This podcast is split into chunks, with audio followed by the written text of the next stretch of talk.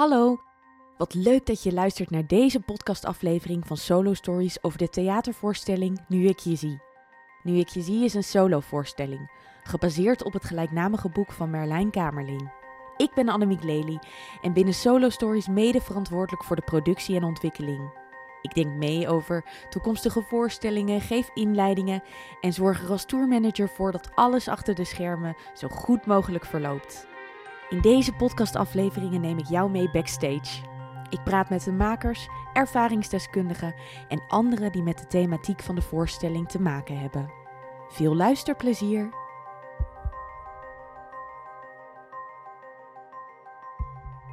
Twee weken na de première zit ik uh, aan mijn eigen keukentafel met Merlijn Kamerling.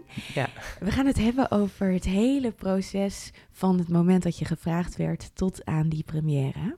Oké, leuk. Weet jij nog het moment dat jij een mailtje kreeg of dat jij een telefoontje kreeg van Merel of Benno met daarin wij uh, denken na over een voorstelling en uh, we willen graag met je praten?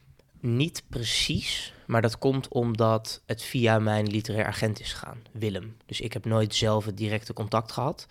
Maar wat ik me kan herinneren is inderdaad dat ik dus een, ja, eigenlijk zoals we dat altijd doen, dat hij iets doorstuurt. In dit geval dus de mail van Merel of Benno met: hey, er is een aanvraag voor je binnengekomen. Alleen wat mij meteen heel erg opviel, normaal zet Willem erbij van, dan stuurt hij gewoon de mail door en zegt hij, wil je dit? Vraagteken, punt. En hier was het wel echt meteen een heel verhaal van, uh, dit is echt super bijzonder dat ze je vragen, want Solo Stories maakt hele mooie dingen over boeken met een belangrijk onderwerp. Ik zou hier echt even goed naar kijken, want wat mij betreft zou ik ja zeggen.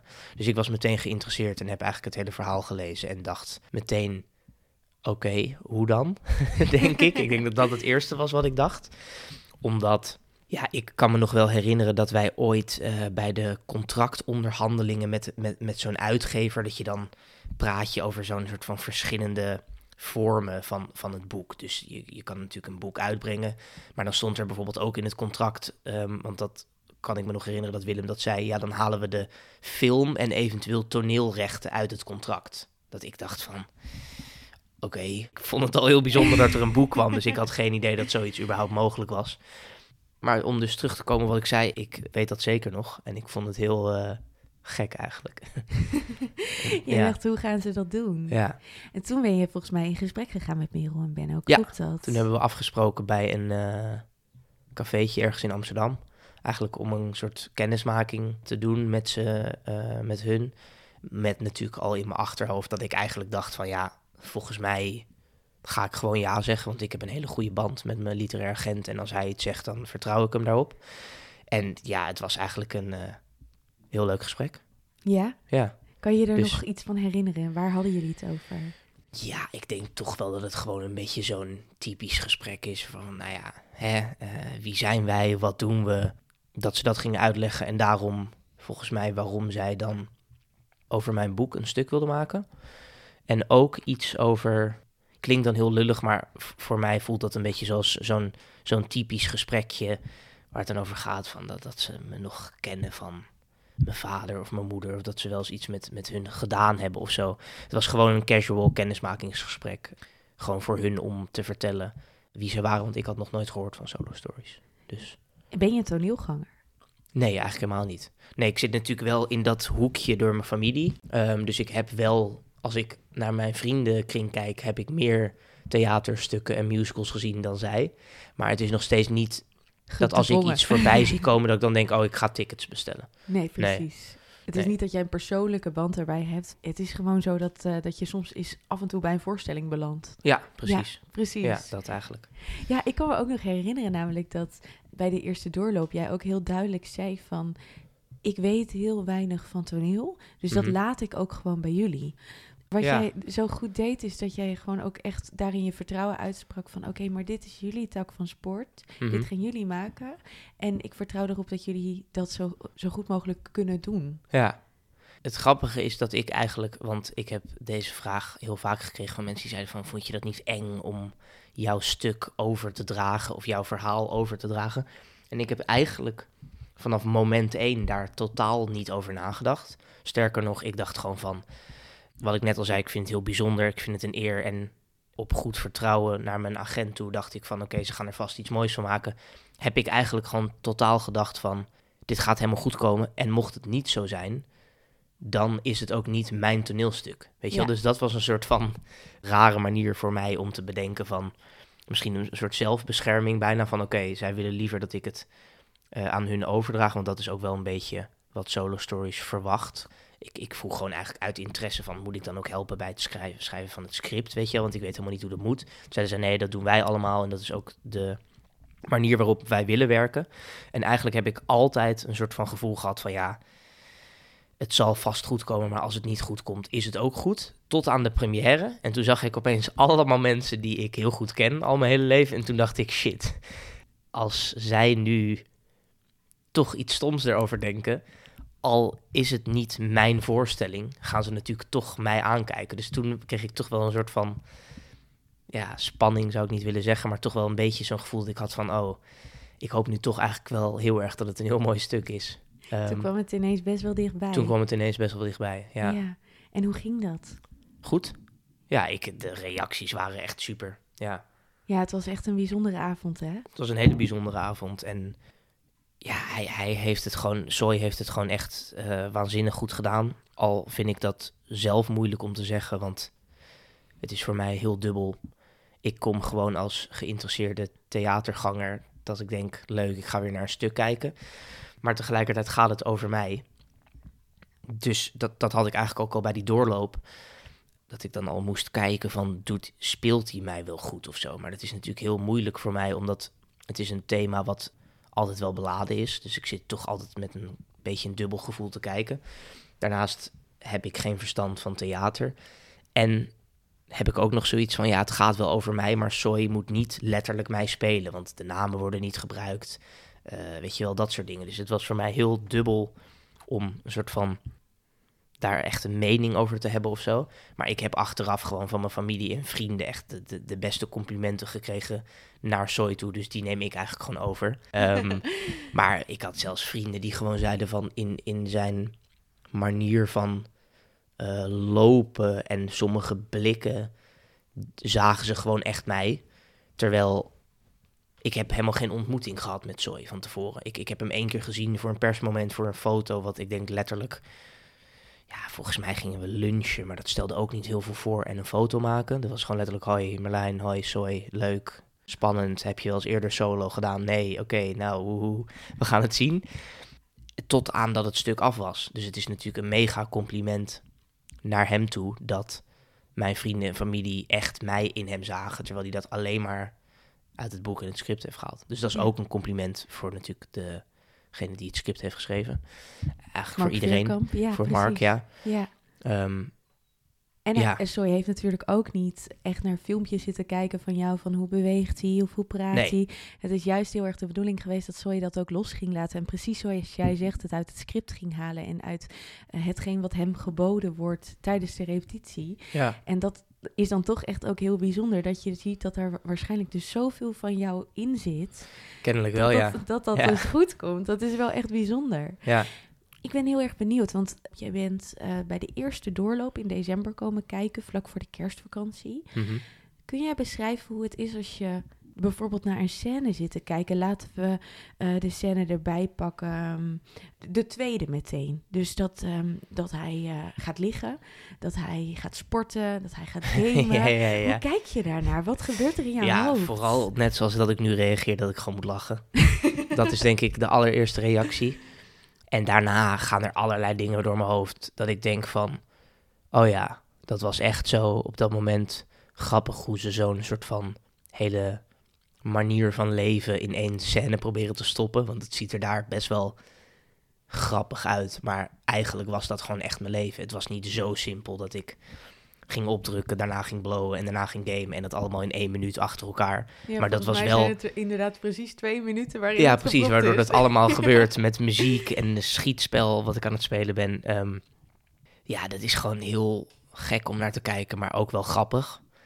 En ik denk dat ik, zeg maar nu, want het is, ja, wat is het nou nu? Drie jaar geleden ongeveer dat ik begon met het maken van het boek.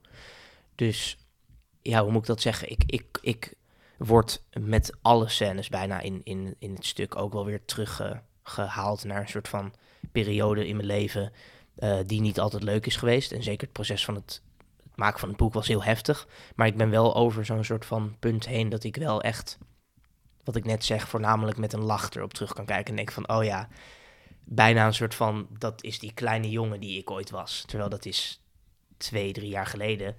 Dus ik denk dat ik wat dat betreft wel heel erg stappen heb gemaakt, waardoor het wel, bijvoorbeeld zo'n soort scène kan je ook als best wel droevig ervaren. Omdat eigenlijk is het gewoon natuurlijk een jonge jongen die een beetje in zijn eigen schulp zit. En nou goed, dat is allemaal best wel, je sport in je eentje, je bloot in je eentje, je gamet in je eentje. Het is best wel eenzaam. Dus ik kan daar wel over terugdenken en denken van, oh ja, dat was best heftig. Maar vooral kijk ik er met een lach naar, omdat hij het gewoon heel grappig speelt. En ik, uh, ja, dat. Je kan het echt met afstand bekijken en het triggert niet meer op een bepaalde nou, manier. Nou, die scènes niet. Dus dat, dat, dat, wat ik zeg, het hele stuk in zijn geheel en bijvoorbeeld zo'n, zo'n uh, weet ik het, bepaalde herinneringen die worden nagespeeld over mij of mijn vader. Of, of uh, natuurlijk de, de, de, een van de, de scènes die later in het stuk komt over dat mijn moeder aan me vertelt Um, dat mijn vader ziek is. Dat soort dingen blijven denk ik altijd heftig. Maar in dat hele zware verhaal zijn dit juist ook voor mij de grappige dingen. Ja. Zelfs als dat bijvoorbeeld uh, ze, dat Zoe op een gegeven moment de scène speelt dat mijn vader die badjas aandoet, waar ik me jarenlang vreselijk over heb gevoeld, omdat ik gewoon vond dat hij mij daarmee voor lul zette, kan ik daar nu ook met een lach op terugkijken, omdat ik nu gewoon denk van het was eigenlijk gewoon best wel tof dat mijn vader gewoon precies deed waar hij zin in had. En ik ben ook best wel, misschien dankzij hem, zo'n persoon die denkt van ja... Um, als jij in je badjas wil doet, lopen, dan moet je lekker in je iedereen, lopen. Ja, precies. Ja. Het, het, het, is veel leuker om je een beetje af te zetten dan om zomaar mee te lopen met, met de stroom, zeg maar. Ja. Dus, um, ik heb ook echt wel het idee, als ik naar de voorstelling kijk, dat dat uiteindelijk ook wel een soort van de boodschap is die uit deze voorstelling komt. En daar ben ik wel heel benieuwd naar of jij dat ook, of dat ook de boodschap is die jij wilde overdragen met het boek. Dat je zegt van oké, maar het was allemaal een hele heftige herinnering waar je liever niet aan wilde. Mhm. En op een gegeven moment is het voor jou ook een soort van, je hebt het toegelaten en het is ook oké uh, dat, dat, zeg maar inderdaad, die badjas was ook oké. En je begint ook het mooie te zien van um, dat hij gewoon niet een, uh, een, ja, hoe zeg je dat, huistuin- en keukenvader was. Nee, klopt. Ja, ja dat denk ik wel. Ik, ik, ik weet niet of ik echt een, iets van een soort met voorbedachte raden een boek heb geschreven met een soort boodschap wat ik wilde overbrengen. Het was gewoon vooral voor mij mijn zoektocht naar mijn vader. En dat werd op een gegeven moment een zoektocht naar mezelf. Maar daar kwam ik eigenlijk pas gaandeweg het proces achter. Dat is niet hoe je ehm, eraan begonnen bent. Nee, nee, nee. het was gewoon echt ja, de zoektocht naar mijn vader. Wie was hij? En natuurlijk zat er altijd wel in mijn achterhoofd dat ik daarmee ook hoopte om zelf achter dingen te komen waardoor ik door kon in mijn leven, omdat ik heel erg vast zat in alles wat ik deed. Maar um, nu ben ik een beetje de, de, nee, de, de vraag kwijt. Uh, of jij de boodschap die uit de voorstelling spreekt, of die ook van tevoren zo bedoeld was. Dus dat jij ook dat, dat gevoel hebt van: oké, maar ik heb die route afgelegd. En uiteindelijk geef ik daar ook mee aan van: um, het is oké. Okay, ja. uh, ik ben ook zelf oké. Okay. Zeker. En je zegt: ja, die boog heb jij eigenlijk wel gewoon gemaakt, maar onbedoeld van tevoren. Ja. Vat ik het dan goed samen? Zeker. Ja. Als je dat zo zegt. Ja, zeker. Ik ben dan ook benieuwd, want nu is de voorstelling er. Jij laat het ook lekker gaan, kan ik me voorstellen. Je zei mhm. al zo van, nou, de première heb ik gezien en voor mij is nu wel eventjes goed. Wat ik ook echt heel goed begrijp. Zeker, ja. Ondertussen zijn wij aan het toeren en uh, hebben nog zo'n 40 voorstellingen te gaan. Dus wij gaan nog eventjes door. Mhm. Is het een onderwerp waar, waarvan je zegt, daar ga ik voorlopig nog wel mee door? Of voel jij ook dat je denkt, ik ga het nu loslaten. Het is iets wat voor mij afgerond voelt. In de afgelopen twee, drie jaar na het maken van het boek ben ik uh, zowel alleen als samen met mijn moeder door Nederland gegaan om lezingen te geven hierover. Dus ik, ik heb wel de afgelopen tijd heel veel te maken gehad met dit thema, heel veel erover gepraat. Jullie hebben ook samen een boek nog geschreven? We hebben ook samen een boek geschreven later, wat iets algemener is, niet zozeer over mijn vader, maar over algemeen rouwverwerking, hoe je om moet gaan met het verlies van een dierbare. Dus dat is ook een heftig thema. En dat zijn ook heftige avonden, die, die, die lezingen. En ik heb dat, ehm, hoe, hoe gek dat ook klinkt, met plezier wil ik zeggen. Maar ik heb dat met plezier gedaan, omdat ik merkte dat het voor andere mensen zo fijn was om... Ja, iedereen heeft wel een vorm van herkenning uit beide boeken en ook het boek van mijn moeder. En, en je merkt toch dat op zo'n avond dat het een soort van praatgroep bijna wordt van mensen die samenkomen en met elkaar dat kunnen bespreken. En ze vinden het prettig om dat ook met ons te doen. Maar tegelijkertijd was het ook, merkte ik, voor mij steeds een soort verwerking. Ehm, omdat je geeft natuurlijk aan de ene kant heel veel, maar je krijgt ook weer iets terug. Want wij waren altijd wel een beetje van de interactie met het publiek. Dat vonden we fijn, omdat zowel mijn moeder als ik het toch altijd een beetje raar iets blijven vinden dat je op een podium zit en dat mensen alleen maar naar jou zitten te kijken. Dus wij vinden het altijd prettig van stel alsjeblieft je vragen en laten we er gewoon een gesprek van maken. En ja, op een gegeven moment, dat was denk ik oktober, november vorig jaar, merkte ik toch dat het langzaam maar zeker meer kostte voor mij dan dat het me teruggaf. Uh, en dan kan je zeggen, ja, je, je verdient er toch geld aan of je verkoopt boeken met dat soort avonden. Maar op een gegeven moment is dat ook niet meer waar het alleen maar om gaat. Wat ik net aangaf, het is, het is bijna een soort therapie ook voor mezelf. Gelukkig heb ik daar nu gewoon geen behoefte meer aan. Um, dus we hebben nog een paar lezingen staan in de komende twee maanden. Dus die gaan we doen. En natuurlijk zal ik altijd verbonden blijven met het onderwerp in bepaalde dingen die ik doe. En ik gebruik ook nog steeds graag mijn zeg je dat, mezelf en mijn, mijn Instagram bijvoorbeeld om, om een mind te helpen of om andere organisaties te helpen om het nog bespreekbaarder te maken, dit onderwerp. Maar ik zelf ehm, zie zeg maar deze première en de komende lezingen die ik nog heb als een soort van eind in de zin van onderdeel van het proces. Onderdeel van het proces ja. en een hoofdstuk wat nu is afgesloten en waar ik hopelijk uh, iets anders van kan maken. Fijn, ja. Jij noemt Mind al. Wat doe jij zoal met ze? Nou, ik heb eigenlijk onbedoeld uh, hun geholpen met mijn boek. Ik had wel van Mind gehoord, omdat mijn moeder heeft wel eens iets met ze gedaan. Of ik heb uh, van hun de Mind Anthony Kamerling Award gekregen voor mijn openheid over mentale gezondheid. En het was ook tegelijkertijd een soort van afsluiting van de prijs, want ze gaan volgens mij gaan ze de prijs nog wel uitreiken of ze gaan een soort iets nieuws bedenken, alleen is het dan niet meer onder die naam. Dus de laatste dus in het rijtje was voor jou? De laatste in het rijtje was voor mij, ja. dus dat is wel bijzonder. Um, en vanaf dat moment heb ik eigenlijk contact met hun gehouden als ik iets voor jullie kan betekenen. En ik ben met mijn zusje onlangs een eigen kledingmerk begonnen waarmee we ook aandacht willen vragen voor mentale gezondheid. Op verschillende manieren. Um, en dat hebben we nu onder andere bijvoorbeeld gedaan Doordat we uh, een eigen team hebben gemaakt bij de Mind Blue Monday Run, waarmee we geld hebben opgehaald. Ja, dus dat, dat, dat is bijvoorbeeld een, een, een onderdeel van dit hele verhaal. Uh, van wat begonnen is met mijn vader en mijn, de boeken en alles, waar, waarbij ik wel altijd nog, of tenminste, ik kan het niet altijd zeggen, maar los van de dingen die ik leuk vind om te doen uh, in mijn leven, uh, qua werk en privé, lijkt het me ook gewoon fijn om nog zoveel mogelijk hier mijn steentje aan bij te kunnen dragen. Fantastisch. Ja. Dus wat dat betreft uh, heb jij echt nog wel plannen voor de toekomst? Zeker. Zeker, ja. ik ben heel erg benieuwd wat het, allemaal gaat, wat het allemaal gaat worden. ik heb geen idee, maar... Dus hou jou ook vooral in de gaten. En dat is zo stom om waarschijnlijk voor jou over jezelf te zeggen, maar dat is dan iets wat ik wel kan zeggen. Ja, ik wou net zeggen. Als jij het zegt, vind ik het prima. Dankjewel, Merlijn. Graag gedaan. Wil je naar Nu ik je zie komen kijken? De voorstelling is van 19 januari tot en met 4 juni te zien in de Nederlandse theaters. Ga naar solostories.nl om een kaartje te bestellen. Leuk om je in de foyer te zien. Kom je naar afloop naar me toe om te vertellen wat je van de voorstelling vond? Of via onze socials? Tot dan!